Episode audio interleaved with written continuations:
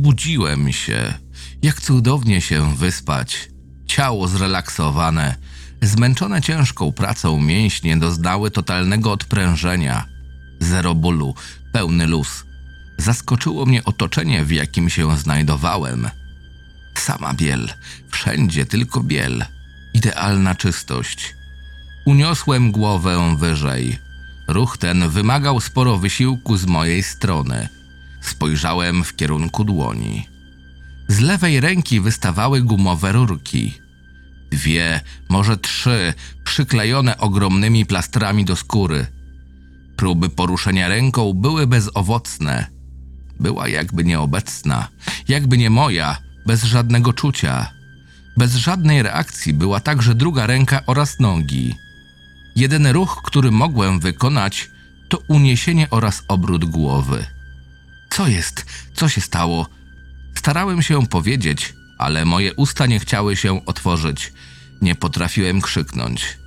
Nie, niemożliwe, to pewnie sen. Wciąż starałem się wykonać choćby niewielki ruch ręką lub nogą. Nadaremno. Żadna z kończyn nie odpowiadała na moje wezwanie. Jakby były czymś przywiązane, ale nie były. Palce także nie dawały żadnych oznak. Mózg starał się wysyłać do nich sygnały, ale bez powodzenia. Dzień dobry, widzę, że już się pan obudził. Usłyszałem głos. Jestem pana lekarzem. Kątem oka zauważyłem rosłego mężczyznę podchodzącego do łóżka. Stanął przy mnie i zaczął coś przyciskać na ekranie znajdującym się za moją głową. Dopiero teraz zauważyłem cały ten sprzęt. Były tam trzy monitory i pełno innej aparatury. Pełno małych rureczek i kabelków. Tak, to musiał być szpital. Identyczne sprzęty widziałem w serialach medycznych.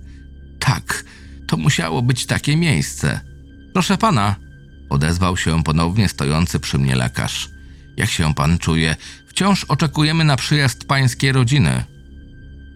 W mojej głowie poszukiwałem wspomnień, jakichkolwiek wspomnień. Co się stało? Dlaczego tu jestem? Jaka rodzina? Nic. Zero. Nie pamiętam. Pustka. Miał pan wypadek. Wczoraj. Bardzo poważny. Kilkanaście godzin trwała operacja. Kilkunastu lekarzy biegało przy panu. Pan umiera. Niestety, przykro mi. Nachylił się nad moją twarzą i szepnął cichym głosem. Powiem tobie prawdę. Nie walczyliśmy o twoje życie. Nie. Ono nie jest dla nas najważniejsze. I tak umrzesz. Bardziej zależało nam, żeby zachować w dobrym stanie twoje narządy, narządy, które uratują kilkanaście innych osób. Jedno życie za kilkanaście innych to jest cena, jaką ponosimy. Ta długa i wyczerpująca operacja była tego warta. Musisz przeżyć jeszcze kilka godzin. Do widzenia.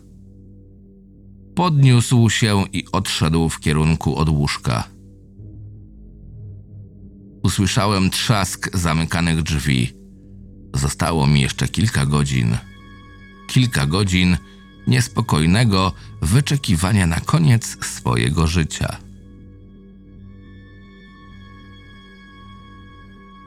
Scenariusz Darecki.